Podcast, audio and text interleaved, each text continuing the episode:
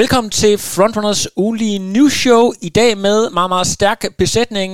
Henrik Thiem og Danmarks største løbefan, Søren Rosenberg. Velkommen til, drenge. Tak, tak. Godt. Og Henrik, jeg har øh, simpelthen opsnuset, at du har været uden for København. Sådan en øh, byrotte som dig. Hvad, hvad laver du i Svendborg omegn? ja, jeg overrasker en, øh, en gang imellem. Det hænger sådan sammen med, at øh, min, øh, min søde kæreste er fra Fyn, på Sydfyn, så vi er simpelthen her i weekenden er nede at, øh, øhm, og fejre øh, hendes far, der har fødselsdag, og hendes søsters barn, som også har fødselsdag, fyldt øh, 12 år. Så jeg havde en weekend i det sydfynske, hvor jeg fik løbet nogle, øh, nogle gode ture i et andet område. Øh, så det er altid fascinerende at, at se noget nyt. Øh, jeg vil sige, at en ting, som der, der slår mig lidt, det er, at når man løber på de her landeveje, de her fynske landeveje, altså, det, det er utroligt vindfølsomt, og kæft, bilerne, de, de kører tæt på når de kommer, øh, når de kommer på havnen. Der er ikke så mange biler, som der er i København, men øh, ja, puha, man skal lige kigge sig lidt om, når der kommer sådan en bil foran. Ja, de er slet ikke vant til, at de løber på de kanter. det er helt nyt. Nej, der var, også, øh, der var også mange, der kiggede sådan mærkeligt på mig og tænkte, hvad laver han der tossen der? Hvad laver han? Øh, Søren, du har jo chokeret mig ved at meddele, at du kun har forberedt dig en to-tre timer til den her udsendelse. Hvad sker der? Øh, men, øh, men, men, men omvendt så, øh, når man er Danmarks største løbefan, så må der jo komme et eller andet moment, hvor det går fra, at det er noget, man selv er ude og, og motionere en lille smule til, at man står op midt om natten og ser maraton fra alle mulige steder i verden. Kan du øh, huske, hvornår at du, øh, du blev rigtig fan af, af løb? Nej, jeg tror, det er sådan en meget glidende overgang. Øh, jeg har, øh, jeg har set fodbold i mange år, øh, også sådan rimelig nørdet, øh, og så tænker jeg bare, at, øh, at det der løb, som jeg egentlig gjorde meget ved siden af, det, det kunne da egentlig være meget sjovt, hvis man også så det sådan lidt øh, i tv, og så har det bare sådan, nå, men øh, det var egentlig meget fedt, og ja, så har det taget lidt, lidt efter det og så kommer det sådan, det, jeg tror ikke, det er sådan et punkt, hvor man siger, nå, herfra er man nørdagtig. Jeg kan fortælle dig, at jeg jo, jeg betragter mig selv som Danmarks største triathlon-fan øh, eller nørd, og jeg kan huske præcis i 2005, der var jeg på en øh, popcrawl i Aarhus, hvor jeg fik en sms, fordi det var jo før, der var noget, der hed Facebook sådan for alvor, at Torbjørn Sindballe, han lå i front på Queen K på Hawaii og løb op, og det var jo, øh, I skal huske, at i Aarhus er jeg fyldt med bakker, så løb op ad bakken op i sin lejlighed, og sad og så det midt om natten. Og jeg husker, fra det tidspunkt af, der, øh, der var jeg simpelthen fan af hooker sport, men, men du har ikke haft sådan et afgørende øjeblik på den måde. Det er bare noget, der er kommet gradvist, kan jeg forstå. Ej, der er ikke sådan et øjeblik, jeg kan sige, okay, det er herfra, at, øh, at, jeg, sige, at jeg er fan. Fordi at, øh, at jeg har jo ligesom, jeg har jo løbet inden selv og sådan noget. Og, så, nej, jeg har ikke et øjeblik, jeg kan pege på. Nej. Men, men jeg, har også, jeg har også familie og sådan noget, der er, der er stærke løbere og sådan noget, så jeg, der kan også have været noget inspiration derfra og sådan noget. Ja, selvfølgelig. Være ude se familiemedlemmer. Men når vi netop snakker om det her med at være løbefan, så har det jo været en helt vild uge, og altså sat den ene rekord efter den anden, og det er faktisk noget af det, vi skal snakke om her. Cheptegei's verdensrekord på 10.000 meter, der nu lyder på 26.11.00. Øh, kunne du tro øh, dine egne øjne, da du sad og så det sådan? Nej, ja, jeg, jeg havde faktisk forventet, at han ville slå den verdensrekord. Øh, det, det vil jeg sige. Øh, med hans, øh, med hans øh, nylige verdensrekord i Monaco, øh, så havde jeg i hvert fald forventet, at, at han havde et rimelig godt, godt øh, skud på, øh, på, på en verdensrekord. Og hvad siger du, Henrik? Mener du, at øh, Tipsy Guy, han havde det perfekte løb, eller er der meget, meget mere gemt i det her øh, store fænomen, vi, vi ser øh, udfolde sig i de her år? Både ja og nej. Øh, for at svare kort på de spørgsmål, så tror jeg godt, at han kan løbe under 26 minutter. Jeg tror, han gør det meget snart. Øh, det, man skal tænke på, det var ved start, der var det 27 grader. Det er relativt varmt på, på en 10.000 meter, hvor det mest optimale vil være sådan 13-14 grader. Samtidig bliver det løbet en dag, på grund af det her covid-19-tider, så der er ikke så mange tilskuere, øh, og det gør, at han kan godt mangle lidt motivation øh, og lidt ekstra gejst de sidste 3-4 km. Hvis du går ind og kigger på, på løbet, og kigger på rent altså tidsmæssigt den måde, han øh, afvikler løb løber han de første 5 km i 13.07, og så løber han de sidste 5 i 13.03. Der er 9 km i træk på 2.37, og så en sidste kilometer på, på 2.34, og han løber alene de sidste 4,8, det vil sige, at han får hjælp de første 5,2. Hvis du kigger isoleret på det, så er der altså fantomløbet. Det med at løbe 9 km i træk på 2,37, det er, ekstremt højt niveau. Men fordi forholdene var, som det var, fordi det var så varmt, og fordi der ikke var så mange tilskuere, så tror jeg, han er mere i du var jo på TV2-sporten, Henrik, sammen med blandt andet Ole Hesselbjerg, hvor I taler omkring det her med skoenes betydning, og det her med, at der er lys i banen, det er noget, vi, vi, vi ser øh, i de nye tiltag, hvor der simpelthen er pacing. Ole mener, øh, at det er sådan relativt ukontroversielt og kommer blandt andet også ind på det her med, at banerne, selve tracken, jo også er blevet markant hurtigere i de senere år i forhold til for eksempel i, i midt og, og så videre. Altså, øh, er, er du enig i hans betragtning om, at det er ukontroversielt? Ikke helt. Øh, hvis jeg var Ole, hvis jeg var aktiv på det plan, som, som Ole er lige nu her, så har jeg sagt præcis det samme som Ole. Øh, fordi han har selvfølgelig interesse i at sige, at, at meget af den udvikling, der har været, er, at løberne bliver, bliver bedre. Men hvis man lige spoler lidt op, og så kigger det øh, sådan lidt mere fra helikopterperspektiv, så er vi derhenne, hvor vi skal konstatere, at vi er startet på en ny epoke, en ny periode, den teknologiske periode. Og jeg tror mange måder, det vi skal vende os til nu her, det er, at vi er startet en ny tidsalder. Lidt på samme måde, som man gik fra selvsbaner til kunststofbaner. Det vil sige, at de tider, der bliver løbet nu her, er meget svært øh, at sammenligne med de tider, som bare blev løbet for 5 og 10 år siden, fordi der er sket så meget i udvikling af løbesko, der er sket så meget i udvikling af pace undervejs. De her, øh, den her lyshjælp, den her LED øh, lysregulering undervejs, hvor, man, hvor de her pacer og løberne kan få hjælp til at rolle det optimale pace undervejs. Man skal ikke undervurdere, hvor stor effekt det havde øh, i sidste uge. Det var altså med til at gøre, at Kipsikai kunne ligge og løbe det her fantomstabile løb. Og hvis der ikke havde været det her lysregulering, så tror jeg, at han kunne ligge og løbe med så stabile tider, som man, som man gjorde her. Det gjorde han også, da han satte øh, verdenskort på 5.000 meter i, øh, i Monaco. Så jeg tror, man skal acceptere, at vi startede på en ny epoke, og jeg tror også, at man forventer flere hurtige tider i, i fremtiden. Ja. Den her teknologiske udvikling, den er først i starten. Søren, du øh, som, øh, som fan af sporten, øh, man, som fan kan man også godt være meget nostalgisk, og, og når man kommer til at se de her øh, hvordan teknologien påvirker ens sport og ens måske tidligere helte, mand som Bekele og så videre, bliver, bliver faret af banen. Hvordan, øh, hvordan tager du imod den her nye udvikling? Er det noget, du hilser velkommen, eller er det noget, du, du begræder en lille smule? Øhm, jeg vil sige både og. Øhm, jeg tror, det handler meget om, hvad det er. Altså, jeg vil sige, sådan med sko og... Altså, altså udviklingen kan man jo ikke bremse jo. Altså, der er jo sket på virkelig mange parametre, så, så rykker sporten sig jo hele tiden, både med hensyn til restitution, med kost og med sko og sådan noget altså det kan man jo ikke gøre, så man, man kan jo ikke, øh, hvad skal man sige, det vil altid rykke sig fremad på den måde. Men jeg vil sige, lige med hensyn til lys, der er jeg godt nok, øh, der er jeg godt nok meget ked af det, fordi jeg synes, det rykker på et, et fuldstændigt øh, elementært element af, af, af, af et løb. Det, at det der med, at man, man kan få øh, lyshjælp undervejs. Fordi at, at for mig, der, der handler, øh, hvad hedder det, løb også sådan om, om ens egen, hvad skal man sige, øh, øh, formå, altså hvordan man, man selv kan pace sig selv, øh, og, og når man, når man kan få øh, øh, hvad hedder det, elektronisk hjælp til at vise præcis på sekundet, øh, hvilket pace man skal løbe, så synes jeg, så synes jeg, at det bliver for meget. Det må jeg sige. Ja. Og... Noget, det, det er, hvad det er. Men, men når man decideret for, for, for, øh, for, for præcis øh, angivet, øh, så, så synes jeg, at det tager for meget væk for, øh, for, for mig. Det er meget, meget interessant, Søren. Øh, så kan jeg jo lige smide Davids kommentar ind fra sidste udsendelse, hvor han siger, at lige præcis nu med covid-19 og alle de her ting, så er det måske, øh, altså hvor man ikke kan samle så, øh, så, så mange, som man måske plejer at gøre, så er det måske øh, lige præcis i de her tider øh, et godt alternativ. Øh, men hvad, hvad mener du om øh, det, som øh, Søren siger her, Henrik? Før jeg svarer på det, som, som Søren siger øh, nu her, så vil jeg også gerne byde ind øh, i forhold til den snak, hvor meget øh, den her nye Nike-sko, den her nye Dragonfly Peak-sko reelt betyder.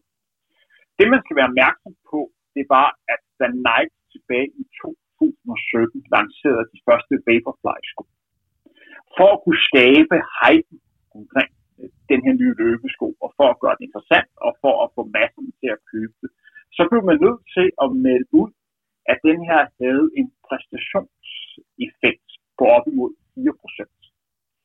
Nu her, hvor man skal lancere en ny piksko, og især med det mente, at der kommer et relevant i forhold til, hvordan løbesko skal se ud. Så er det ikke nødvendigt for Nike at lave den tilsvarende hype omkring den sko. I hypen er der allerede. Jeg tror, at den her pitsko har, har en stor effekt, og jeg ved fra mine kilder øh, i, i løbeverden, også blandt de, de absolut bedste løber øh, i verden, at den her sko, den kan altså noget. Men jeg tror ikke, at vi ser en undersøgelse lige med det samme, der rent videnskabeligt viser, hvor stor effekten har. Fordi det her Nike Zoom skomateriale der i, der giver den her fjederne effekt, det kan altså noget. Og det kan man også se på, øh, på de to løber, øh, hvad kan man sige, øh, som sat verdenskort. Især for etiopiske øh, Gidei, eller Gide, jeg er lidt usikker på, hvordan han udtaler hendes efternavn helt korrekt. Prøv at kigge på den måde, hun løber på. Det er måske noget af det smukkeste, jeg nogensinde har set en løber løbe. Hendes løbestil sidder helt i skabet. Det ser så flot Og udover at hun løber flot, fra naturens side, så tror jeg, at sine sko har øh, en effekt. Men for at svare på det, som Søren siger, jeg er sådan set enig med ham. Jeg er også bange for, at den her lyshjælp, det gør, at man mister det, som, som løbesporet er kendt for igennem alle sine tider. Det er den der evne til at kunne holde en stabil hastighed undervejs, evnen til at træffe de rigtige beslutninger, evnen til at kunne mærke efter sin krop. Nu her handler det i princippet bare om at kunne følge med, ligesom du var på et løbebånd og bare skulle holde den samme stabile hastighed undervejs. Så man, man fjerner sig lidt for den fascination, som jeg har for sporten, den fascination, som Søren har for sporten, og den fascination, som rigtig mange andre har. Til gengæld kan man se frem til at få en masse hurtige tider, og vi er først i startet. Ja, og så kommer så 1000 kroner spørgsmålet. Øh, Bikele, han er jo alle glade løbenørders øh, store yndling, og det, kan, det har man jo bare kunne se, han bliver fremhævet igen og igen.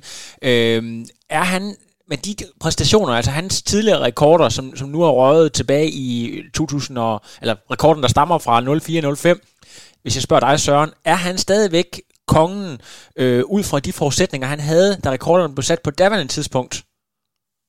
Ja, for, for mig er Bekele stadig kong. Altså, det var i, i 2005, han satte den, øh, den tidligere verdensrekord. Øhm, for, for mig er Bekele stadig kongen. Øh, både fordi, at hans repertoire var så bredt. Altså, han, han, øh, Bekele har jo en, en øh, både en 1500 og en, og en 3000 meter tid, der er langt, langt, langt bedre end, øh, end hvad Tjeppe Cheptegei har, han har stort set ikke løbet nogen af de øhm, plus at øh, okay, nu Cheptegei, øh, nu har han selvfølgelig lang tid igen af hans karriere, men hvor Bekele også har fået at, at tage skridtet op til, øh, til Marsen også og sådan noget. Men altså for mig er Bekele stadig kommet. Men det er også fordi, at Bekele, han formåede og øh, dominerer på alle tre underlag, altså både bane, landevej og cross. Øhm, mangeårig øh, crossverdensmester på Øh, så, så for mig, der er Bekele stadig kommet. Ja, og hvad, hvad er du enig, Henrik? Jeg tror, man skal tænke lidt tilbage på det, som jeg startede udsendelsen med at sige, at vi startede på ny på. Øh, fordi at Cheptegei har verdenskortet lige nu på 5 og 10.000 meter. Men man kan ikke sætte det ensbetydende med, at han også er konge og den bedste på distancen gennem tiden.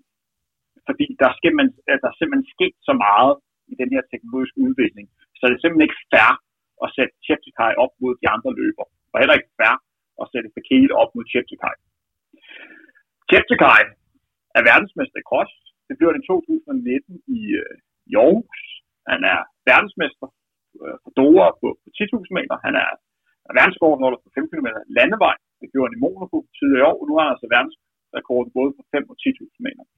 Hvis han også bliver øh, verdensmester på halvmarathon her i weekend, hvor han debuterer øh, ved det her verdensmesterskab, vi skal snakke om senere, og måske også få sat en, en verdensrekord senere øh, på sæsonen, han skal løbe i Valencia. Muligvis bliver verdenskorten allerede sat i weekenden og løber hurtigere end det 58.01. Så begynder vi at nærme os, men det er bare svært at sammenligne, fordi hvor står sådan en løber som Lasse Bren, der var stærk i 70'erne? Hvor står sådan en løber som Haile Kosnasi? Vi har nævnt Bekele. Hvad med sådan en løber som Mo Farah, som er dobbelt verdensmester, dobbelt øh, øh, olympisk mester, han en periode på syv år, hvor han ikke tabte en 10.000 meter. Det er altså uhørt, at man har en løber, der ikke har tabt en 10.000 meter i syv år. Og back-to-back -back, både vinder OL og VM, altså der er EM øh, på, på 10.000 meter distancen. I et 10, hvor der er rigtig mange løbere, som, som løber stærkt. Mo Farah har ikke løbet de hurtigste tider på, øh, på distancen, men han har vundet alt, hvad der er værd at vinde. Hvis jeg skal svare på, hvem jeg har som den, øh, som den største løber som konge, så vil jeg også sige Paket.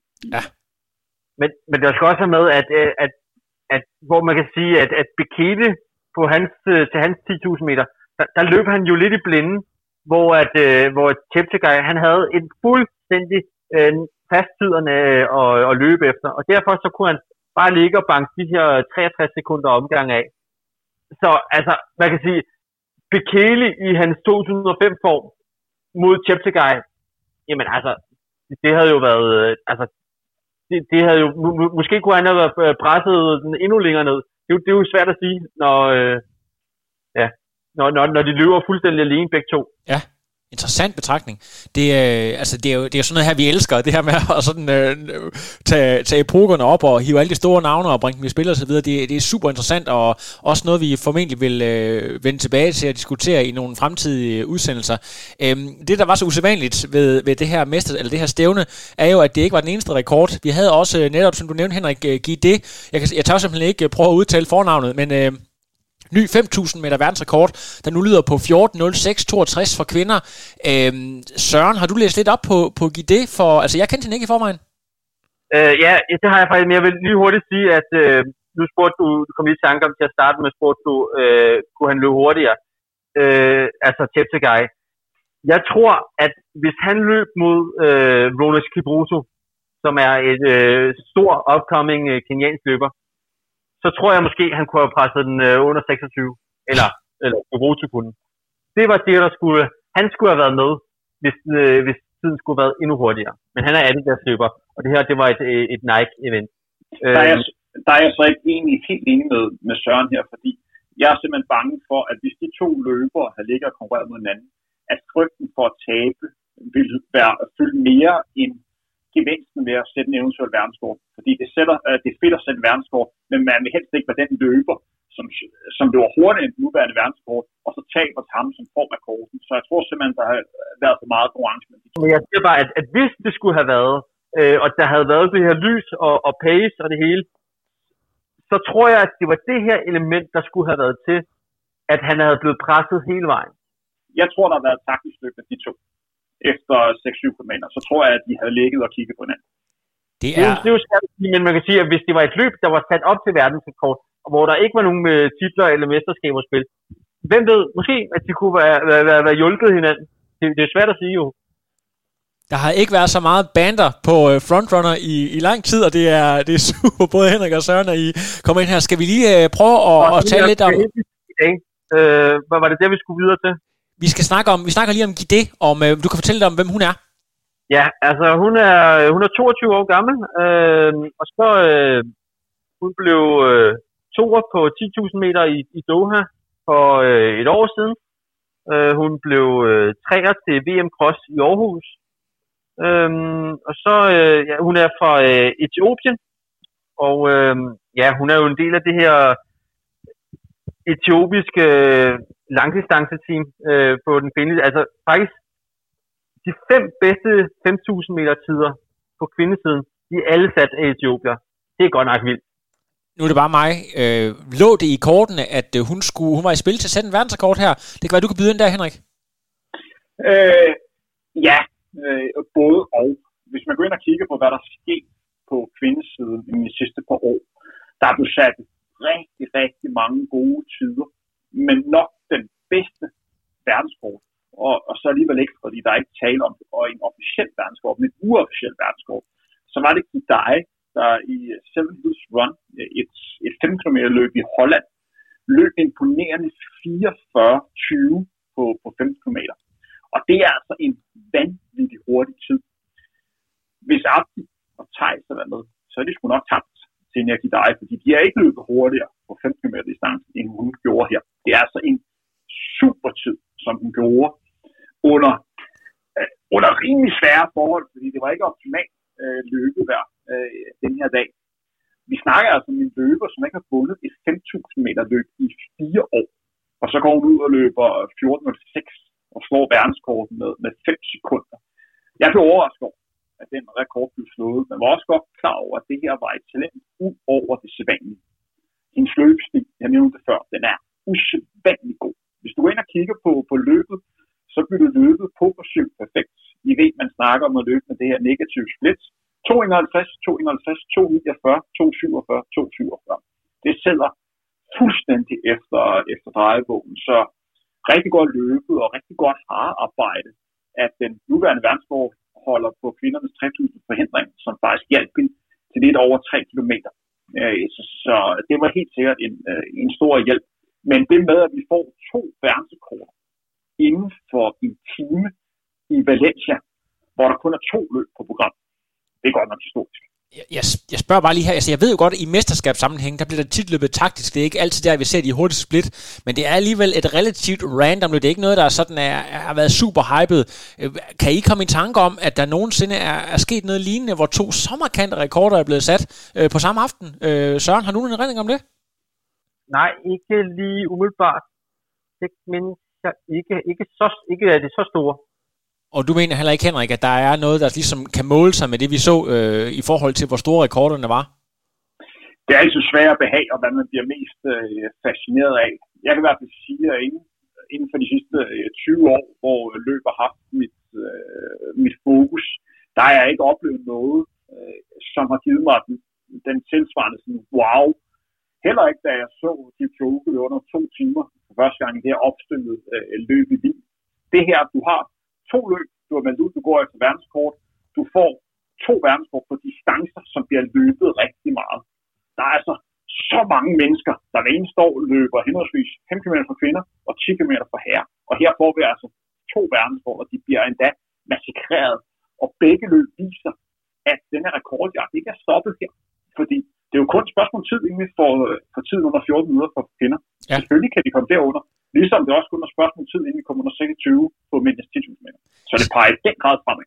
Sætter det her en stor fed streg under, hvad sko, lyspacing osv. Øh, betyder, at vi i det, i det samme øh, race, under de samme forhold, får de her to rekorder? Er det, øh, er det, er det simpelthen det, det betyder? Jeg tror, at vi skal acceptere, som jeg nævnte før, at vi startede på, på en ny epoke. Ligesom som dengang, man gik fra, øh, fra centersbanen øh, til kunststof, hvor man i den grad kunne se, at man øh, løb stærkere på, på banen. Nu er der simpelthen sket så meget med løbesko, der er sket så meget med lys undervejs, og kan vide, om der ikke er, er flere såkaldte hjælpemidler undervejs, der gør, at niveauet bliver hævet. Det er også godt for interessen. Altså, øh, jeg snakkede med TV2 i sidste uge, og jeg har også snakket med, med DR, og der har været, der har været gang i den, fordi at det er jo god reklame for, øh, for løbesporten, men jeg må bare acceptere, at det her det er en ny epoke, det er ikke kun i Valencia, der er blevet stærkt. Også i Holland var øh, den øh, på hjemmebane Sifan Hassan i øh, Hopla, hvor hun øh, slettede Paula Radcliffes legendariske 10.000 meter rekord i møg elendigt vejr. Øh, 29.36 lyder hendes PR på nu mod 30.17 først. Søren, jeg skal lige spørge først og fremmest. Er du, øh, er du fan af, af Sifan Hassan? Kan du fortælle lidt om, om, om hende? Jamen, øh, ja, hun, er jo nok, hun er jo nok en af de mest... Øh interessante figurer øh, i atletikverdenen. Altså, hendes øh, rækkevidde er fuldkommen vanvittig. Altså, der, jeg, jeg mindes ikke nogensinde at have set en løber, der, der, kan, der kan spænde så bredt her. Altså, hun, øh, hun blev øh, til VM i Doha, så løb hun øh, helt, helt, helt usædvanligt 1500 meter og 10.000 meter. Og hun øh, vandt begge to. Øh, den ene, meget tæt på verdensrekord, blev hun øh, 3.51 et sekund på verdensrekord, og øh, så løb hun øh, 30-17 øh, på, på 10.000 meter til sejren, hvor at hun slog, øh, hun spurtsejrede øh, mod netop i dag. Øh, og øh, tidligere så har øh, Stefan Hafsen øh, løbet øh, 65 lav på halvmarathon øh, i København. Og altså, en, en løber, der, der kan spænde så bredt fra, fra 1500 til, til, til halvmarathon. Ja, nej, på princippet, jeg, jeg, jeg tror faktisk, det er måske lidt vild påstand. Jeg siger, at muligvis så kunne hun øh, vinde guld til Tokyo næste år, OL, på alt fra maraton til 800. Ja, hvad siger du til den påstand, Henrik? Jeg er faktisk enig. Altså, hvis det var muligt at kunne stille op i alle konkurrencer, og man kunne nå at restituere, øh, så tror jeg faktisk, det kunne, kunne lade sig gøre. Øh, det her det er en af de største talenter, øh, vi nogensinde har set i, øh, i løbesporten. Det er helt uhørt, øh, det hun kan. Og det man også gør opmærksom på, det er, at det er det stævne, hvor øh, Cheptegei er værtskår på 5.000 meter. Øh, der var Stefan Hassan også med, og ved den lejlighed, der ligner hun en kvinde, der absolut ikke var i form. Hun så, hun så dårligt løbende ud. Så kom hun så tilbage og satte øh, verdenskort på, på timen i ved det løb, hvor øh, Abdi også med og satte dansk rekord, og hvor Mofao satte øh, ny verdenskort. Der løb hun nu altså øh, tilbage i absolut øh, topform.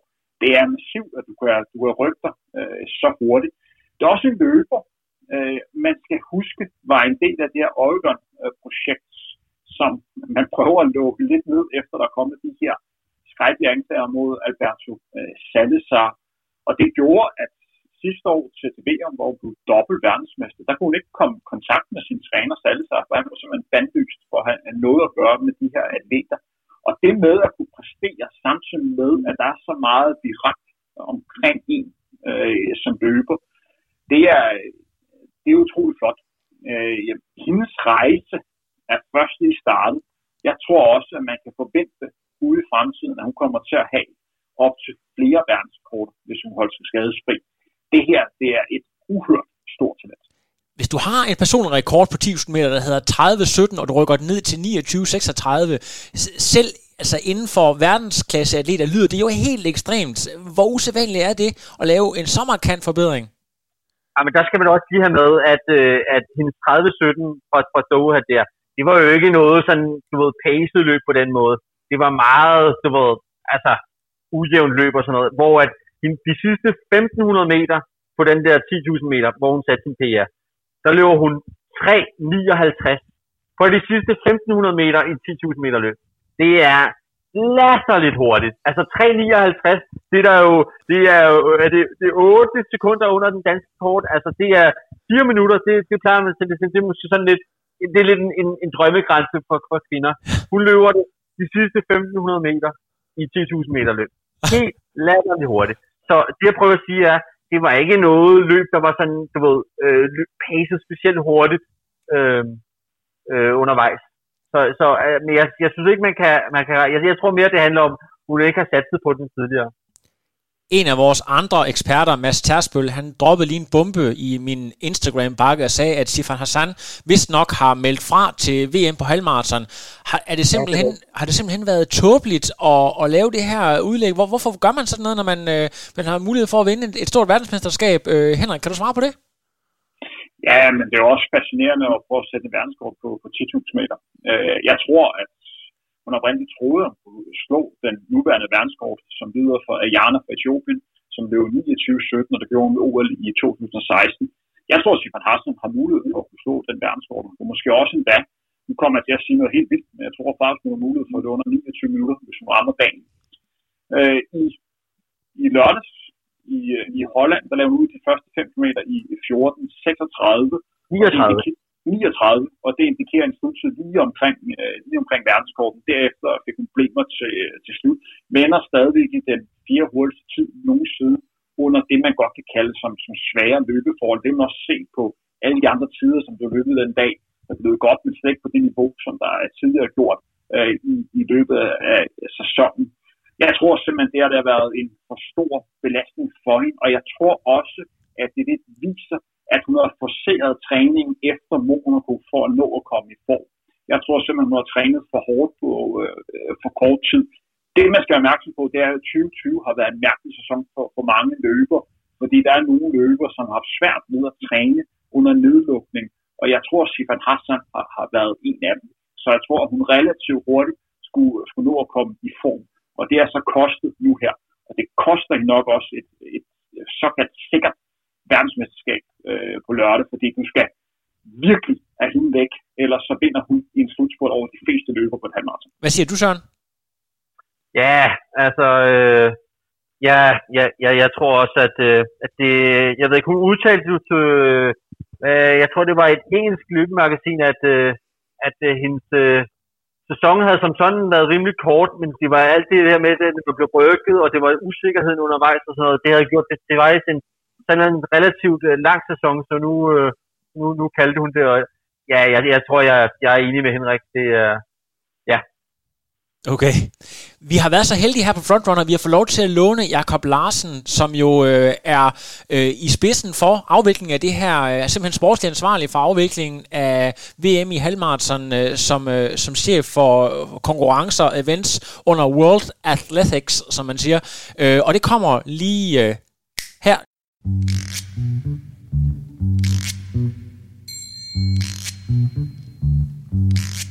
Jakob Larsen, tidligere direktør i Dansk Atletikforbund og nuværende direktør siden april for uh, World Athletics inden for konkurrencer og events. Velkommen til Frontrunner.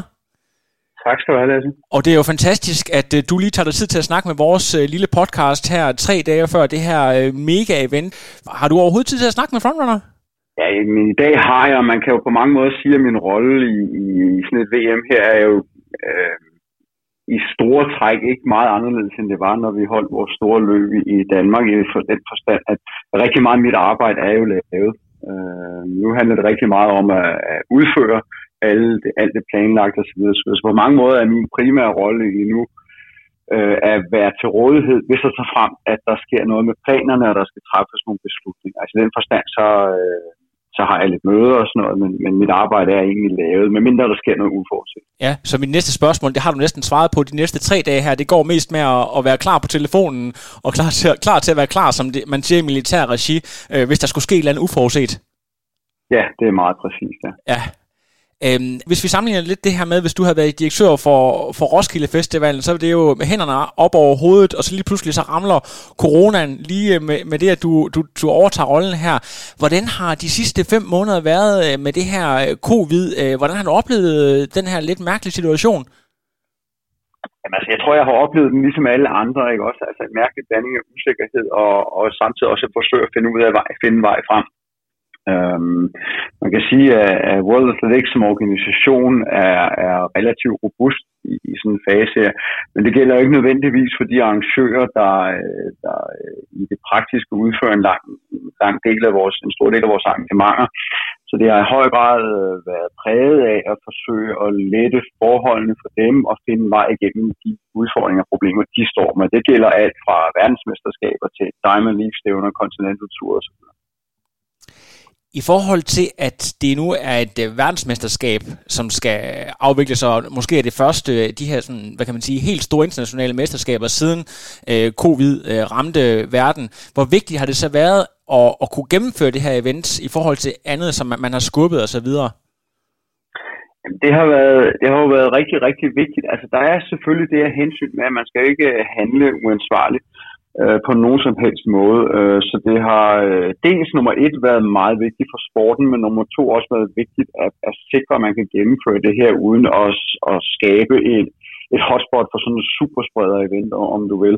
Men det er, det er meget vigtigt, fordi især for vores atleter, fordi de mangler, øh, mangler muligheder for at komme ud og konkurrere. Det gælder jo især øh, landevejsløb, som har været meget, meget hårdt ret. Der har været lidt flere aktiviteter på banen, men landevejsløb og langdistansløberne har været meget hårdt ret. Ja, Øh, nu, øh, jeg kommer selv inden for triathlonverdenen, og jeg ved, at øh, der har været afholdt et stort triathlon-event i starten af august øh, i Gdynia, den, øh, den by, hvor, hvor det afvikles. Hvor vigtigt har det været for jer, at, øh, at man ligesom har testet nogle store events af, i forhold til, hvis det for eksempel havde været i Spanien eller Norditalien eller et andet sted, med lidt med usikkerhed, har I kunne slappe en lille smule med af og sige, okay, det kan rent faktisk lade sig gøre det her? Nej, jeg fristes jo øh, nærmest til at sige tværtimod. Altså, det havde ikke, det havde ikke nogen indflydelse på, at det kunne lade sig gøre. Altså, det, det medførte faktisk øh, en, en, jeg, vil, jeg vil ikke sige en komplikation, øh, men det er de samme arrangører. Altså, de arrangører, der arrangerede Ironman i Gdynia, er de samme, der er lokale arrangører af VM Halmarathon. Okay. Øh, og du, skal, du kan sammenligne det lidt med, at, at øh, fuldstændig ligesom når vi har lavet Copenhagen Half i København, så ligger der jo også en stor DHL-stafet nogle uger før Øh, og, og de her ting, når du har flere store events med meget kort mellemrum, øh, det besværliggør en del af forberedelsen. Det har også været tilfældet her, men altså, det har vi egentlig vidst, så det har vi jo fundet ud af. Ja, jeg tænker på, øh, man, man har jo set øh, en del cykel inden for cykelsporten, der har det kunne lade sig gøre at afvikle øh, ret meget, så har der også desværre også været nogle uheldige aflysninger. Øh, de har det meget med, at øh, de laver sådan et lukket kredsløb, det der med, at rytter og så videre ikke må øh, mingle for meget med, med omverdenen. Er det noget, I også har arbejdet en lille smule med for at, at kunne sikre jeres deltagere, der er med til det her VM, at, at I laver sådan en form for boble, kan man sige? Ja, det har vi. Vi har øh, i grove træk, hvad jeg vil kalde to bobler. Altså, vi har en for, for holdene, Øh, de bor så på et hotel, og så er alle de øh, arrangører, altså alle de statsmedlemmer fra arrangører og fra World Athletics osv., som har primært med holdene at gøre, de er inden for den samme boble. Mens alle dem, der står for teknisk afvikling og for tv-produktion, tidtagning og alt det her ved siden af, øh, de er så i en anden boble, og, og egentlig er der mere eller mindre vandtætte skodder mellem de to. Det er meget, meget få mennesker, der har adgang begge steder.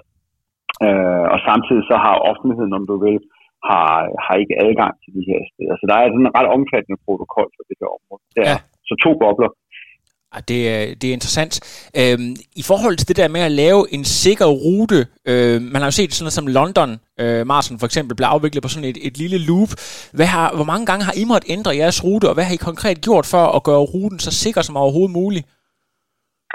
Øh, den er blevet lagt om en gang. Øh, men den primære grund til det var faktisk aflysningen af det her motionsløb, som skulle have været. Altså VM som var planlagt til at være fuldstændig ligesom i København, som nogen kan måske kan huske i 2014. Og de havde faktisk 30.000 øh, tilmeldte, så det var jo bare så at blive kæmpestort. Det har man så måtte aflyse, så nu får vi et rigtigt ligebøg. Det betød så, at man ændrede ruten fra en øh, 21 km rundstrækning til en 5,5 km loop, som jo så skal løbes knap øh, fire runder på. Øh, og den primære grund til det har faktisk været for at reducere øh, påvirkningen af byen. Øh, for nu kunne man jo rent faktisk lave et loop, øh, og det betyder, at en større del af byen ikke skal lukkes ned. Og det har været hensyn til en by, som jo pludselig får et lidt andet event, end de havde øh, forestillet sig. I forhold til tilskuer er der egentlig ikke gjort andet end at sige, at national lovgivning og regulativer gælder i forhold til social distancing osv. Der kommer til at være en, en del øh, opsyn ude på ruten i forhold til, at folk overholder det. Øhm, og det er de restriktioner, der er. Ruten som sådan, altså tilskuer ikke formelt adgang jeg er ret sikker på, at øh, altså, vi alle sammen ved, at det er selvfølgelig, øh, hvis man kan lave en rigtig hurtig rute og sætte nogle rekorder og lave et spektakulært løb, så, så det er noget, hele sporten og I som arrangør selvfølgelig også gavner af. Hvor meget har, har sådan, hvad kan man sige, den sportslige del øh, kontra den her sikkerhedsprotokol, øh, hvordan opvejer man de her to ting over for hinanden, og, og hvad, har, hvad, har, hvad har I tænkt ind der? Øh, jamen altså den sportslige del i forhold til at, at sikre, kan vi, kan vi lave et hurtigt løb. Det har aldrig været en høj prioritet for det her, fordi det var egentlig ret hurtigt klart, at, at ruten i Virginia ville ikke blive sådan pandekageflad. Så, så øh, jeg er nu ret sikker på, at mændene skal nok komme under timen, fordi øh, at elitefeltet har den kaliber, det har. Men jeg ser ikke det her som en verdensrekordrute, men det er egentlig også ok. Altså, altså meget tit, så vil vi jo have det sådan, at hvis det er en flad rute, så, så behøver vi dårligt at løbe løbet, så ved vi godt, hvem der vinder. Ja. Uh, en rute med lidt mere udfordring på, gør løbet en smule mere uforudsigeligt, og det er egentlig noget af det, vi også kommer til at arbejde hen imod de kommende år. Så på den måde passer det fint. Jeg vil så sige, at den omlægning af den rute, der har været den her gang, det er i høj grad været hensyn til byen. Uh, igen, fordi der er en by, som havde forestillet sig et løb uh, elite, ja vist, men også 30.000 mennesker, der kommer fra hele verden osv. osv. Så det har også været et forsøg på at sige, okay, vi har stadig det elitefelt, Altså, vi kommer ikke at smadre en hel by, øh, fordi der skal være det lille løb. Altså, det gør vi simpelthen ikke. Så derfor har vi lagt ruten om af hensyn til byen primært. Og så at vi har en rute, der, der er lidt mere udfordrende end de fleste halvmarathon efterhånden er, det mener vi ikke kun er et plus i forhold til at sikre noget, der vil være sportsligt mere interessant. Ja. men ikke giver verdensrekordpotentiale. Ja. Vi er så heldige, at det her løb bliver vist på faktisk dansk tv også, og, og det er noget, vi virkelig glæder os til alle sammen, men du, når du øh, sådan har været helt inde i maskinrummet og arbejdet med de ting, hvad er der nogle særlige ting og detaljer, som øh, tv-serierne øh, skal lægge mærke til? Jamen altså, øh, elitefeltet er, er meget, meget høj kvalitet. Ikke? Altså, øh, vi har, øh, ja, ja, og det her er jo frit for hukommelsen. Jeg tror ikke, jeg har set et elitefelt, der er så stærkt i dybden. Altså forskellen selvfølgelig i forhold til, når vi taler om de rigtig store halvmarathon, nu tillader jeg mig så at indregne København blandt dem. København, Ras Al Khaimah, New Delhi, øh, Valencia, som man måske kunne sige er de, er de fire primære halvmarser, når det gælder kvalitet i elitefeltet. Øh, her der kan der jo ikke stille lige så mange kenianere til start. Der er nogle begrænsninger per nation. Øh, men når det så er sagt, så er feltet ekstremt dybt. Jeg mener, vi har 29 mænd til start, der har en personlig rekord under 61 minutter. Og det, det ser man slet ikke i de andre felter. Så jeg vil sige, ja, kampen om medaljerne er, er hård. Den er ekstremt hård. Men at blive nummer 10 i det her løb, jeg tror ikke, du finder et løb i verden, hvor det er sværere at blive nummer 10 i det her, nummer 15, nummer 20, altså 20. plads i det her løb. Det er, øh, det er, det er meget, meget højt niveau, man skal udvise for at blive det. Ja, lige præcis. Og du, du nævner jo selv det her med, at du anser det for svært at sætte en verdensrekord, men der kommer altså en ung mand ved navn Cheptegei, som jo jamen, altså simpelthen ja. har blæst øh, sporten fuldstændig bagover. Verdensrekord på 5.000, verdensrekord på 10.000, og også øh, vist sig frem i, i Aarhus, øh, VM Cross osv. Jamen, er, er han simpelthen så exceptionel, at han øh, alligevel, trods øh, rutens beskaffenhed, kan gå ned og true de her 58.01, som det nuværende verdensrekord lyder på, hvis han er i øh, storform? Ja, nu skal man jo passe øh, meget på, hvad man siger i disse tider, øh, med hvad, hvad Cheptegei kan og ikke kan. Jeg vil så sige, hvis vi sammenligner med ruten i København, hvor den nuværende verdensrekord jo blev sat, så er der et sted mellem 3 og 4 gange så mange højdemeter på den her rute. Øhm, så det tæller ikke lige frem til hans fordel. Og jeg vil så også sige, nu debuterer han jo, og det betyder jo, at altså, vi kender jo ikke helt hans potentiale. Han har jo tidligere løbet en meget stærk 15 km. Øh, men, men jeg vil så sige, at han er jo op mod modstand nu, der gør, at det måske ikke bliver så nemt at gå øh, helt hjertet efter en verdensrekord, fordi øh, så kan jo rent faktisk risikere at spænde buen lige en tand for hårdt, og der er et meget, meget kraftigt stærkt elitefelt bagved. Men det havde Kamvore jo ikke, da han tager verdensrekord i København. Det løber jo tilrettelagt efter, at han kunne gå hele hjertet og alene efter den måde at blive truet. Det er slet ikke betingelserne for en chip på, på lørdag. Så det er lidt, jeg, jeg anser det for, øh, for ret usandsynligt, men altså en vindertid på 59 noget, det, det mener jeg nu nok, vi skal få at se. Og kommer man ned i noget, der hedder 58 noget, det, vil jeg, altså, det er, ja, selvfølgelig er det verdensklasse, når man vinder VM, men kommer vi ned i 58 noget, altså, det, det, vil, det vil være, øh, vildt, det vil det. Ja, I krydser selvfølgelig øh, fingre for, at det bliver en øh, glidningsfri afvikling, men når det så er, er slut på her i weekenden med, med VM, hvad er så næste store mål for dit vedkommende? Er det lige tid til at, at tage lidt tid sammen med familien og få slappet lidt af, eller, eller har du allerede kigger den frem mod næste store event, og hvad bliver det i så fald? Jamen altså dagen efter VM, så rejser vi til øh, Krakow, hvor vi skal ned og kigge på stadion til World Relays, som skal være til mig øh, hvor vi jo forhåbentlig også har et eller to danske stafethold med. Øhm, så har vi kommer vi kom lige her til direkte fra, øh, fra Tokyo og Sapporo, hvor vi havde overkig på blandt andet også maratonruten i Sapporo. Øh, men ja, så efter det, så skulle vi da gerne have tid til at være lige at bruge tid med familien. Så bliver det næste, det bliver VM inde i Nanjing i Kina, som øh, kommer til øh, marts. Ja, og øh, selv når, vi, når man tænker Kina, så, øh, så er de måske faktisk allerede på nuværende tidspunkt lidt fremme i forhold til, fordi det er jo der, hvor, hvor smittespredningen startede, kan man sige. Så er du sådan up-to-date på, hvor, hvordan øh, det ser ud derude i forhold til at kunne afvikle så stort event? Ja, altså, Øh, I princippet så kan vi jo godt gøre det nu. Altså det, der kommer til at afgøre de her ting, det er stadigvæk en ting, fuldstændig ligesom vi gjorde her med Gdynia. Altså til Gdynia, der blev der truffet en beslutning øh, 1. september, om vi skulle øh, gøre det eller ej. Altså det, det, sådan var det faktisk. Og det kommer vi også til at gøre med Nanjing på et tidspunkt, hvor man kan sige, jamen lige nu, ja, vi kan vi, vi vil godt kunne gennemføre det, men et er at kunne gennemføre det.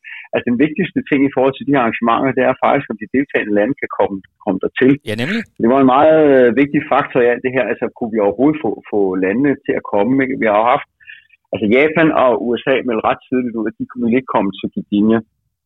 Øhm, og det var selvfølgelig nogle af de her faktorer, vi spurgte, vi spurgte øh, en lang række af vores medlemslande, om de øh, kunne forestille sig at deltage i Gdynia. Det kommer vi også til at gøre med Nanjing, og det kommer til at være en væsentlig faktor i beslutningen. Men ja, vi er i stand til at gennemføre, vi har planer for en gennemførelse både med og uden tilskuere osv. osv. Ja. Ikke? Øhm, men, men der, er stadig, der er stadig et stykke arbejde i forhold til, at der skal træffes en beslutning. Men altså forløbet arbejder vi ud fra, at det her det kommer til at ske.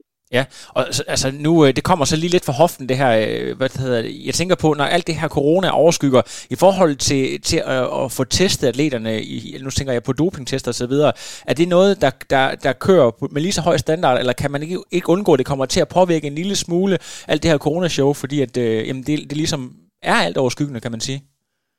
Jamen, det, selvfølgelig har det påvirket. Altså, det er jo naivt at tro, at det ikke har påvirket. Øh, og det er også derfor, at rigtig mange af de ting, vi gør, øh, Øh, der spørger vi jo det, der hedder AIU, som er atletikkens uafhængige integritetsenhed, om du vil. Det er også dem, der forestår al vores antidopingarbejde. Dem, de er uafhængige af det internationale atletikforbund, men rigtig meget af det, vi gør, øh, i forhold til forskellige kvalifikationsperioder, i forhold til, om vi kan holde forskellige typer arrangementer, så spørger vi simpelthen dem, jamen, øh, hvad er deres vurdering af sikkerhedsniveauet i forhold til antidopingarbejde. Øh, jeg vil faktisk sige, at, at den, den del af atletikken, der har været hårdest ramt af det her, det har været langdistanceløb. Øh, og det har øh, dels noget at gøre med de lande, der er stærke, og hvordan er infrastrukturen i de lande, men det har simpelthen også noget at gøre med, at bredden i langdistanceløb er på et helt andet niveau, end den er i rigtig mange andre discipliner. Så, så i og med, at vi har de her konkurrencer på meget højt niveau, øh, der er jo langt flere, hvad skal man sige, øh, virkelig topniveaus konkurrencer i langdistanceløb, end du har i mange af de andre discipliner mange af de andre discipliner, der har du verdensmesterskaberne, og så har du Diamond League. Men i, i langdistansløb er udbuddet langt større. Det betyder også, at der er mange flere løbere, som rent faktisk kan konkurrere på et meget, meget højt niveau. Og derfor er opgaven med at sikre øh, antidopingarbejdet, det omfatter også langt flere atleter. Så lige præcis inden for landevejsløb har vi haft en helt del øh, overvejelser i forhold til det her. Øh, og og det, de overvejelser foregår stadig. Men altså forløbet, så er der fra deres side, det der så hedder EU, Altså, der er der grønt lys i forhold til, at man kan gå i gang med, med, med blandt andet både det her VM halvmarathon, men jo også et, øh, et VM inden til. Og øh, nu kan det godt være, at jeg kommer til at afsløre, at jeg ikke er 100% inde i atletikverdenen, men øh, skospørgsmålet er jo noget, der øh, har fyldt rigtig meget. Og øh, det er jo også noget, man skal være opmærksom på det der med, men altså er, er der øh, de korrekte mål og så videre, selvom at det er øh, på landevejen det her. Er det også noget, øh, I er opmærksom på, det der med at kontrollere, at øh, de sko, øh, atleterne stiller op i nu også, er, har de, øh, de korrekte mål og så videre? Ja, det er rigtigt. Jeg har godt bemærket, at der går lidt tid med at forholde sig til sko. Det, det, det er vist ikke helt forkert sagt. Øhm, jamen, det er vi. Alle atleter har i, øh, i tilmeldingsproceduren til det her VM skulle skrive, har, har skulle udfylde en formular, hvor de dels øh, deklarerer, hvilke sko de løber i. Og det bliver så holdt op mod den her liste, der nu foreligger over godkendte sko. Ja. Derudover så skal de øh, skrive under på, at uh, World Athletics i tilfælde af, at der foreligger en en mistanke om, at skoene er på en eller anden måde ikke compliant, altså ikke er overholdt de gældende regler, så kan, så kan, man, øh, så kan World Athletics beslaglægge skoene og sende dem til øh, yderligere analyse. Øhm, så det har de gjort, øh, det har de skrevet under på, og der vil også være øh, test af, af udvalgte løbere sko øh, efter, efter løbet. Vi kommer ikke til at gøre noget før løbet, og det har rigtig meget at gøre med hele det her covid-19 og den proces, der er omkring call room procedurer osv., osv., hvor løberne i forvejen har en, en noget anden vej frem til konkurrenceområdet end normalt. Så vi vil faktisk helt gøre det bagefter. Så derfor så kommer der til at være noget, øh, noget spot-check på sko øh, efter løbet. Ah, det er super interessant. Øh, du er jo en meget, meget skarp øh, mand, Jakob, så du har faktisk allerede øh, fået svar på alle de spørgsmål, jeg har læst. Jeg synes, jeg har gjort det var umage for at stille en masse. Så jeg skal bare lige høre her på falderæbet, er der nogle øh, ting, som vi mangler at komme ind på? Måske nogle ting, som folk ikke lige tænker over, at du også arbejder med? Øh, nogle detaljer omkring afvikling af sådan et stort løb, som, øh, som man lige skal være opmærksom på, der kunne være interessant at snakke om? Jamen, øh, rigtig meget af mit arbejde er jo, altså når man sidder og ser det på tv, så, så, så ser man jo det, der er på, på det, vi kalder field of play. Altså, du kan kalde det øh, på banen, ikke? Øh, konkurrenceområdet, men, men rigtig meget af det arbejde, som, som vi og som jeg og mine kolleger laver, det handler i virkeligheden om alt det andet, det der er i kulissen. Øh, og det, det lyder jo helt mærkeligt, når man siger, men, men det her med flow, hvor, hvor, hvor atleternes vej frem til det, der hedder field of play, er noget, der bliver brugt enormt meget tid på. Planlægning af øh, interaktionen mellem de forskellige tekniske dele, øh, og det er alt fra tidtagning af splitsider til broadcast og resultatformidling osv. osv. Øh, nu er målområdet på en strand, og det er jo fantastisk. Øh, det er der også visse udfordringer ved, ikke mindst når det i dag det er decideret stormvejr her i Gdynia. Øh, og det betyder, at konstruktionerne, der nu er på en strand, de, øh, der er en vis risiko for, at målområdet bliver oversvømmet i dag.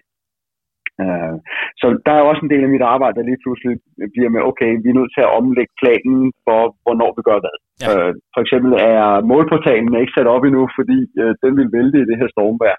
Så der er en masse ting i planlægning omkring det. Ikke? Og så i virkeligheden kan man sige, meget af mit arbejde, der, der er det mindste af det, det er egentlig det, der foregår inde på banen, og det er virkelig alt det, der er rundt om, der fylder, der fylder klart mere. Ja, og så mit finale spørgsmål til dig, det er altså målestokken for, at du ved, at du har haft en øh, succesfuld afvikling af det her VM. Hvad er det? Hvad må, hvilke parametre måler du på? Jamen, så vil jeg vende tilbage til det, jeg snakker om før. Altså, vi har field of play, der hvor atleterne er, og min opgave er egentlig ikke at kigge ind på det. Selvfølgelig uh, har jeg nogle kolleger, der kigger i allerhøjeste grad den vej, men min opgave er i høj grad at kigge den anden vej. Kigge på omverdenen. Så, hvordan reagerer tilskuerne? At, at, ser de glade og tilfredse ud? Hvordan har det været på broadcast? Har det, har det fungeret? er værtsbyen tilfreds. Øh, så alle de her ting med at kigge på vores omverden og sige, men, men er folk gået derfra med en god oplevelse? Øh, og har, har det givet dem lyst til mere? Det vil jeg betegne som, det er i virkeligheden det, mit arbejde går ud på. At sørge for, at den her event øh, giver mening. Øh, besvare spørgsmålet, hvorfor skulle folk egentlig overhovedet give beskæftige sig med det her? Det er min, mit arbejde, det er at give svar på det. Ja, lige præcis. Og så bare nu, øh, nu kom der så lige et bonusspørgsmål alligevel. Halvmarathon er jo en relativt ny sport i løbet af Der er ikke så mange år. Hvorfor er det blevet så super populært? Du har også arbejdet med, øh, været meget inde omkring øh, København og så videre, masse events. Er det simpelthen fordi, at det er noget, der taler direkte ind i hjertet af, af så mange mennesker? Eller, eller hvorfor er halvmarathon og VM halvmarathon blevet så gigantisk? Jamen altså, jeg, jeg plejede lidt øh, når maraton, de store maratonløbsarrangører skulle, øh, skulle gøre sig smarte i forhold til os, der arrangerer halvmaraton, så plejer jeg lidt at sige, at halvmaraton er jo øh, halvt så besværlig og dobbelt så sjov. Øh, og det var jo sådan lidt en kæk bemærkning, men, men der er lidt en sandhed det her med, at altså, det er en opgave, der er relativt overskuelig som, som, som motionsløber, om du vil, er det en noget mere overskuelig opgave at forpligte sig til at løbe et halvmarathon. Altså der er ikke så lang vej fra sofaen til rent faktisk at fuldføre et halvmarathon. Det vil nogen også hæve det, det kan man også gøre med marathon, men det er en, trods alt en lidt anden opgave. Øh, I forhold til omverdenen, så er, er det også mere eksplosiv, altså det er sådan en, en mere eksplosiv øh, konkurrenceform. Det tager en time, Øh, og på mange måder en team, det er det gyldne, det er det gyldne øjeblik. En, en, en maraton stiller langt større krav, også til sådan en som mig i mit arbejde, hvordan sikrer jeg, at, at der er underholdning i løbet af to, to og en halv time. Der er opgaven noget mindre på, på en time. Plus, at, at den sidste del, som man bestemt heller ikke skal undervurdere, det er, når man, kom, når man kommer ind i en by, hvis du vælger at have en rute midt inde i en by, så er der meget, meget stor forskel på at beslaglægge en, en bydel, der kan levere 21 km eller 42 km. Ja. Så, så jeg, jeg tror, det er et mix af alle de her ting, at på mange måder er halvmarathon, den er mere tilgængelig, den er mere fordøjelig, og det gælder for, for rigtig mange. Men altså selvfølgelig, er, er, der er lige det der, altså halvmarathons udfordring er jo, at, at navnet begynder med halv. Ja. Og, og det der med halv, det er jo altid sådan lidt, øh, hvad, hvad fanden, hvad, hvad, hvad betyder halv? Øhm, og maraton har jo bare en helt anden historik, men det er også noget, som altså meget af som mit arbejde nu også går ud på, det er at sige, hvad, hvad handler det her egentlig om? Så når vi fremover kommer til at arbejde med design, altså rutedesign og, og storytelling omkring de her forskellige distancer, discipliner osv., osv., det kommer vi til at se meget, meget mere af, øh, at, at øh, det skal komme til udtryk i en måde, disciplinerne bliver udført på, så det ikke er, er one size fits all, men langt højere grad kommer disciplinernes identitet, om du vil, til udtryk i måden, vi folder det ud på. Det gælder halvmarathon, det gælder, altså marathon er det bedste eksempel, ikke? men vi vil se det mange andre steder også når de kommende år. Det lyder super interessant. Øh, Jakob Larsen, du har været rigtig øh, sød ved os øh, ved at bruge øh, din øh, sparsomme tid her på at fortælle dig om, hvordan det er at stå i spidsen for et så stort arrangement. Øh, held og lykke med afviklingen her fra podcasten, og fortsat god dag til dig. Tak skal du have. I lige måde. Det er godt. Hej.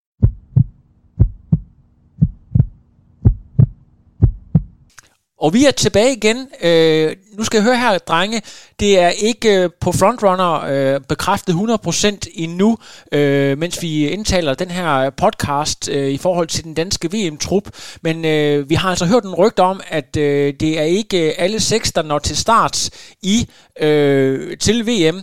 Kan I lige prøve at fortælle om det her med, hvor svært det i virkeligheden er at nå øh, til startstregen i, i fedt tilstand, når den her balance mellem at være i absolut topform, og så lige komme til at gå den der halve procent ud over grænsen. Øh, hvis du starter, Henrik.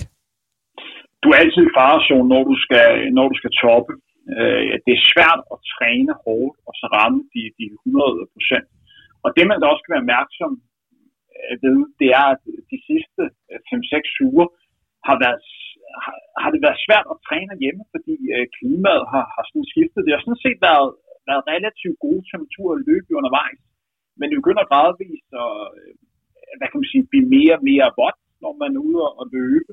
Og de her løber, de er helt nede i, i fedtprocent, og det gør, at du er i risikozonen hele tiden for at kunne få en, en forkølelse, en sygdom. Her snakker jeg ikke om corona, men bare normalt øh, øh forkølelsessymptomer, fordi at du skal, du skal ligge og køre så tæt på grænsen. Vi kan huske, at vi har snakket med Thijs om det på gange. Kunst om at ligge på de her øh, 99,5 procent. Øh, det er svært. Øh, og for en løber som, som Abdi, skal han også vente sig til at lave sin forberedelse i Danmark. Normalt plejer han at kunne tage til, til Kenya og forberede sig, eller tage et andet sted hen, hvor der ro på. Nu skal han altså ligge og lave den samme træning i Danmark under forhold, der er anderledes, samtidig med, at han måske skal, skal passe et studie eller, eller passe et arbejde, hvis han, jeg tror, at han stadig vil studere. Og det er altså noget nyt, og det kan gøre, at nogle gange, at man lige kommer over de her 100% og så er det svært bliver skadet. Ja, og Søren, har, kan du, øh, har du nogle eksempler på nogle fælder, man kan komme til at lave, når man forsøger at ramme øh, topformen lige nøjagtigt, øh, og lige kommer til at presse den lidt for hårdt? Jamen, altså, der er den klassiske overtræning, at når man vil noget virkelig, virkelig, virkelig meget, at, øh, og man vil virkelig, virkelig toppræstere til noget, at så kommer man simpelthen til at presse skruen for meget, og, og netop komme over de der 100% Og det, man ved jo aldrig, før, øh, før at ligesom skaden er sket, at, øh, at man, man har presset den for meget, men det, det er simpelthen den, den klassiske overtræning. Nu har jeg lige et lidt provokerende spørgsmål, som jeg kan tillade mig at spille, fordi jeg overhovedet ikke er fedt ind i noget i forhold til Dansk Atletikforbund. Men kan man ikke godt øh, tillader sig at, at sige, at forbundet skal have lidt mere hånd i hanke med atleterne, som lige pludselig står øh, og kun har, øh, altså mangler en tredjedel af, af VM-truppen. Øh, er, det, øh, er det for naivt at tænke sådan, Henrik? Ja, øh, det synes jeg. Altså når man udtager øh, nogle løbere øh, på det her niveau, og de træner op imod et halvmarathon, især under de forhold, som de har lige nu her, så er der en inkluderet risiko for, at løber kan blive syg eller skadet, eller på anden måde øh, blive udfordret. Altså to af de øh, løber, som de har med til start, det er jo sådan en som Andreas Slommer og øh, Simon Holbæk, der har små børn og, og fuldtidsarbejde.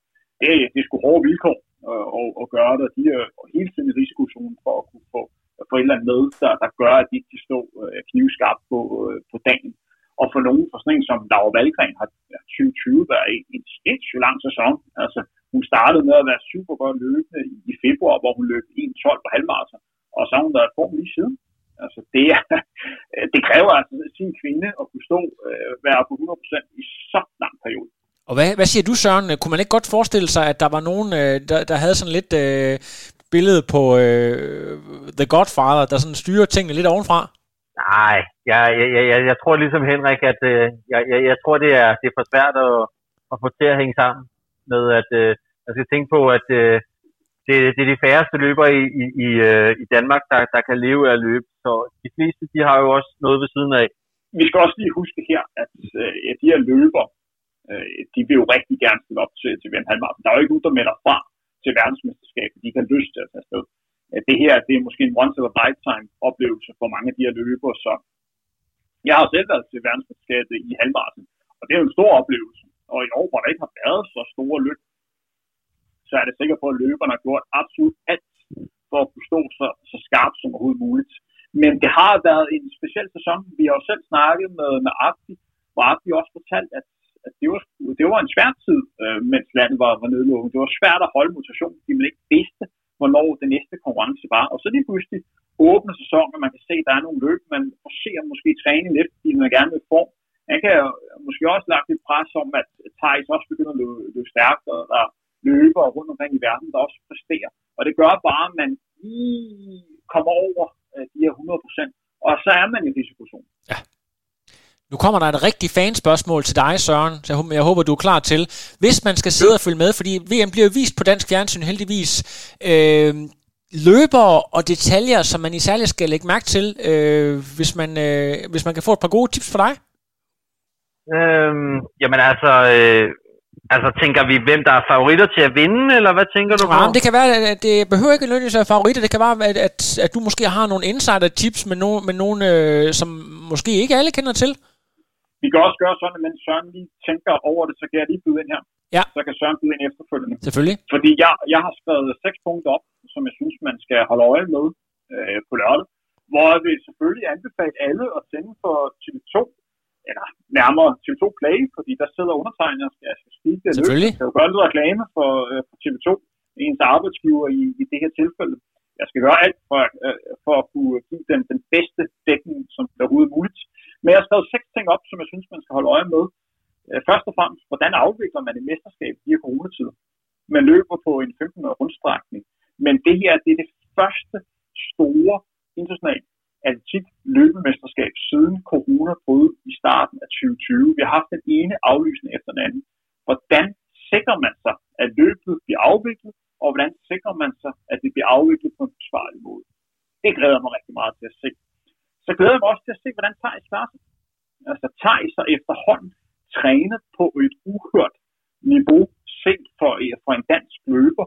Han har trænet tæt på 200 km over en længere periode.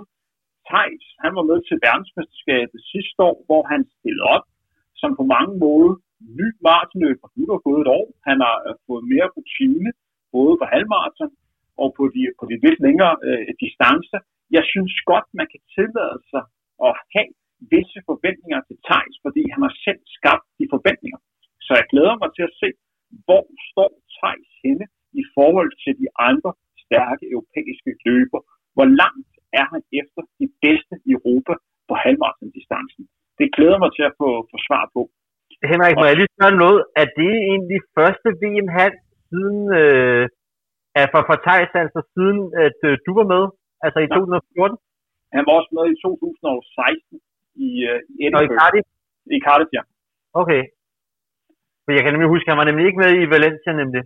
Nej, han var med i, øh, i 16 i Cardiff sammen med, sammen med Lars og sammen med øh, Jesper, som var med ved, ved den lejlighed. Så glæder mig, glæder mig også til at se duellen om, hvem der, skal, hvem der kan kalde sig Danmarks hurtigste far på, øh, på halvmarathon-distancen. Andreas Lommer mod øh, øh Simon Holbæk. To løbere, der er meget sammenlignelige.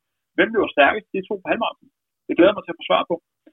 Og så glæder mig også til at se, hvordan Cheptegei klarer sin debut på halvmarathon. Han har lige sat verdenskort på 10.000 meter. Han har også sin verdenskort på 5.000 meter.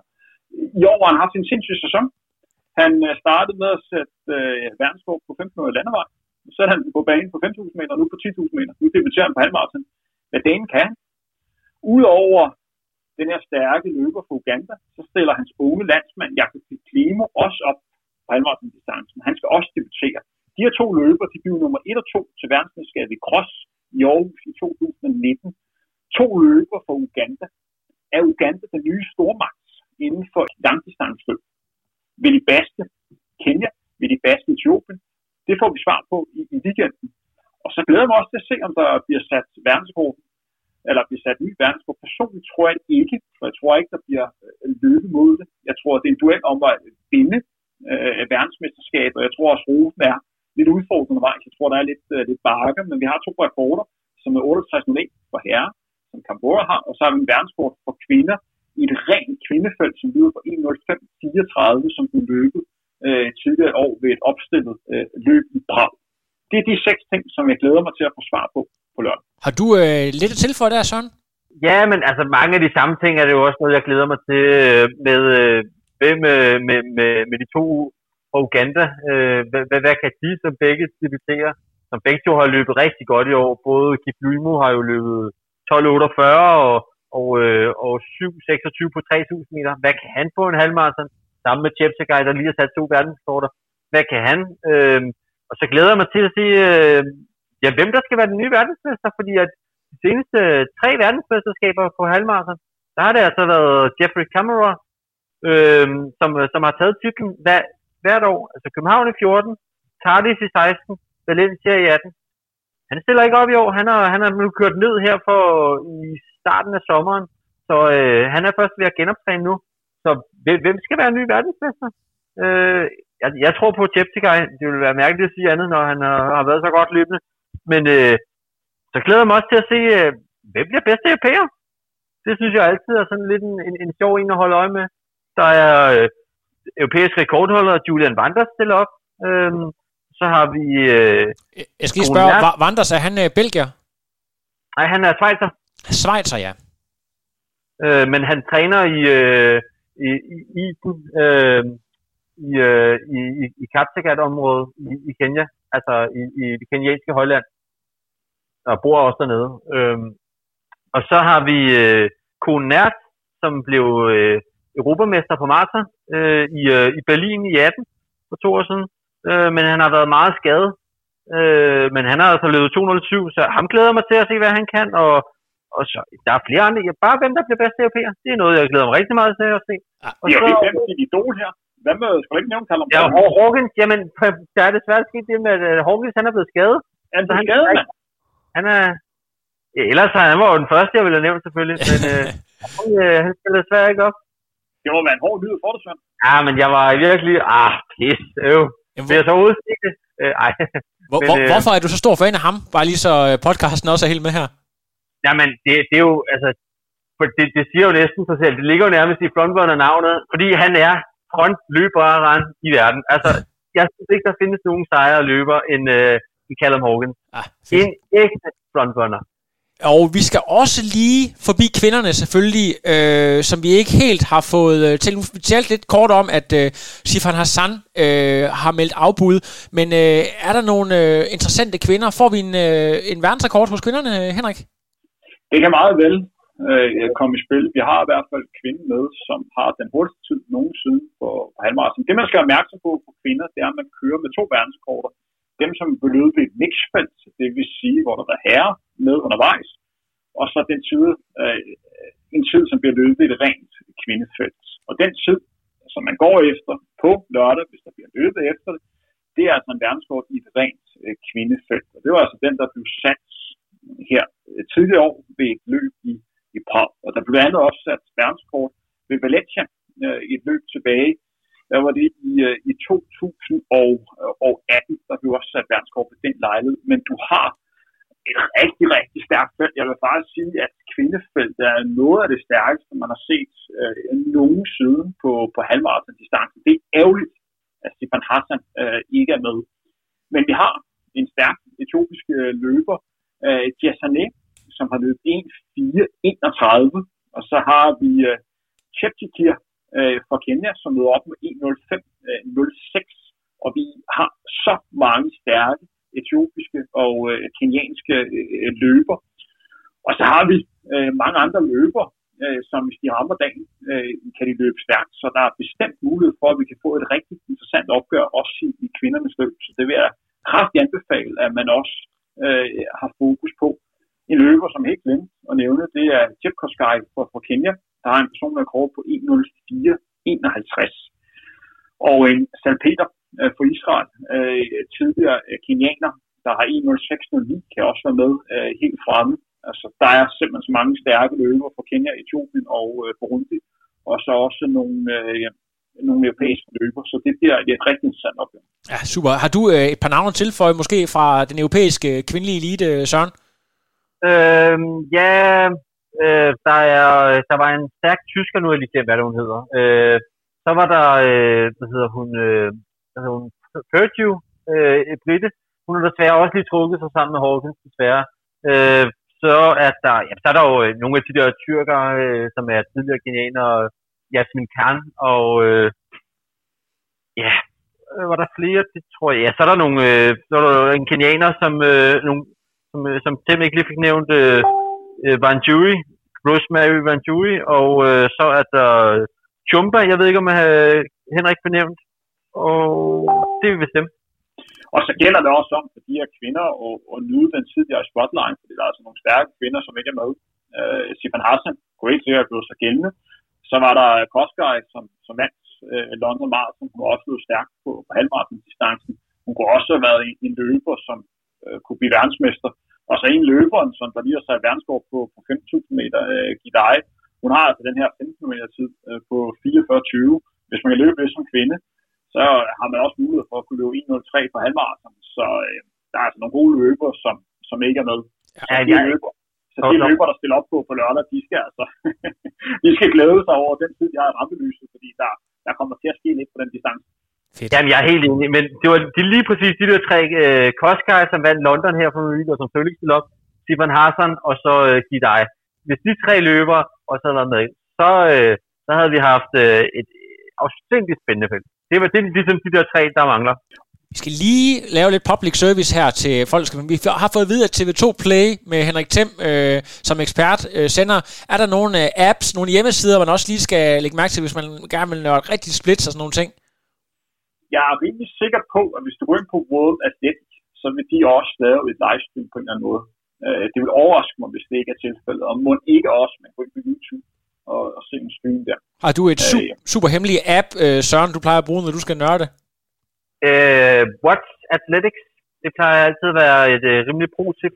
De øh, lægger øh, forskellige stream op for, øh, for forskellige steder. Der er nogle af dem, der er geoblog. Jeg ved faktisk ikke, om, øh, om det officielle stream, de er, de geoblog fra Danmark, fordi at øh, TV2 har rettighederne.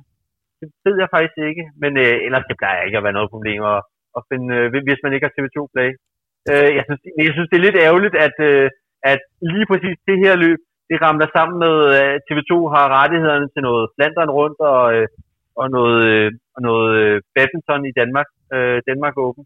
Fordi ellers havde de jo smidt det på TV2 Sport, tænker jeg. Så jeg synes, jeg er lidt ærgerligt, at, øh, at, at, øh, at i det her sammenpressede coronakalender, at, øh, at det lige hele øh, falder oven i hinanden. Men øh, det, er jo, det er jo, hvad det er.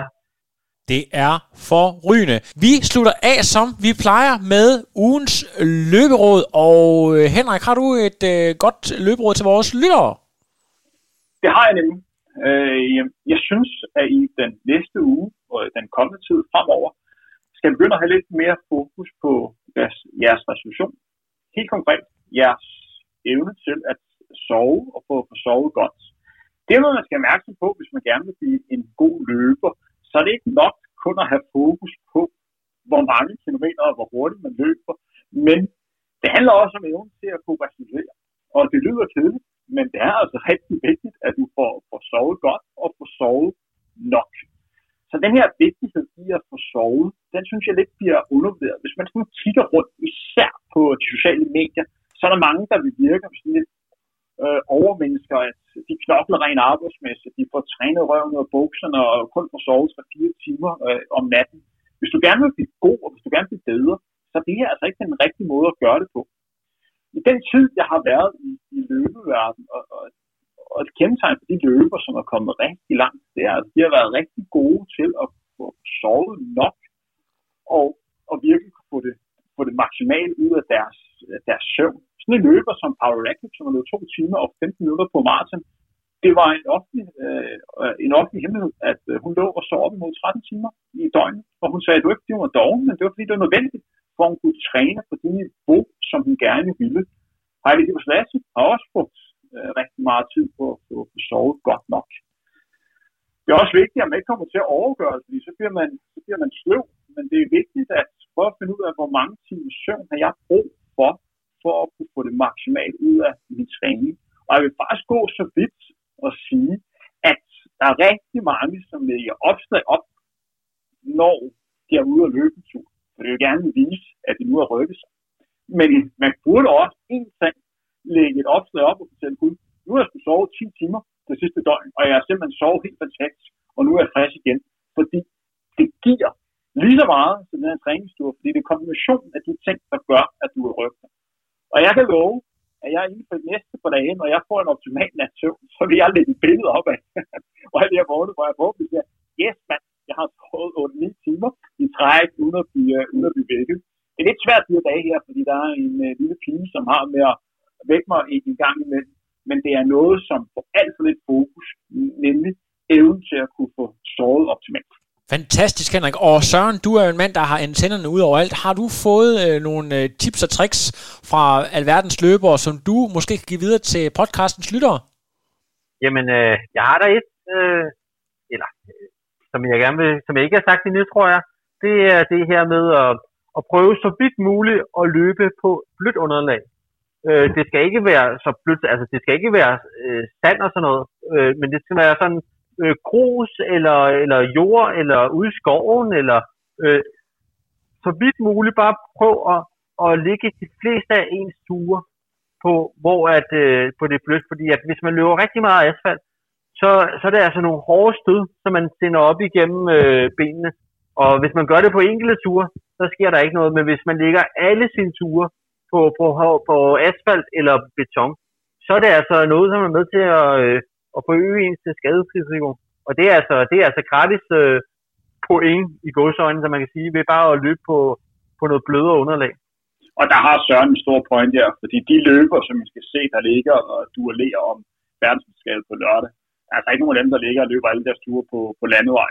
Der er altså løber, som ligger og løber langt største del af deres kilometer på så blødt underlag som muligt. Der findes afrikanske løber, som simpelthen ligger forbud med at løbe på, på landevej, medmindre det er, at det er konkurrence, fordi de ved, hvor hårdt det er på kroppen.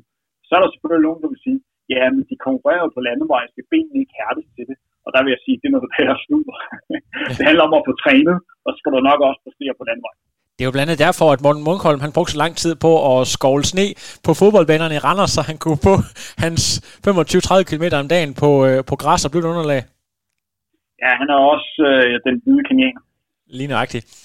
Lad det være ordene. Tak for de fantastiske råd, drenge. Lad det være ordene. Og den her udsendelse kan jo findes på alle platforme. SoundCloud, Spotify og iTunes. Skulle I have lyst til at hjælpe den her udsendelse en lille smule på vej til at komme ud til et bredere publikum, så gå endelig ind på iTunes. Giv os nogle stjerner. Gerne fem. Og en anmeldelse, så er der flere, der har mulighed for at finde den. Øh, vi høres ved på næste torsdag med endnu en news udsendelse her fra Frontrunners. Så alle lytter derude. Stay tuned.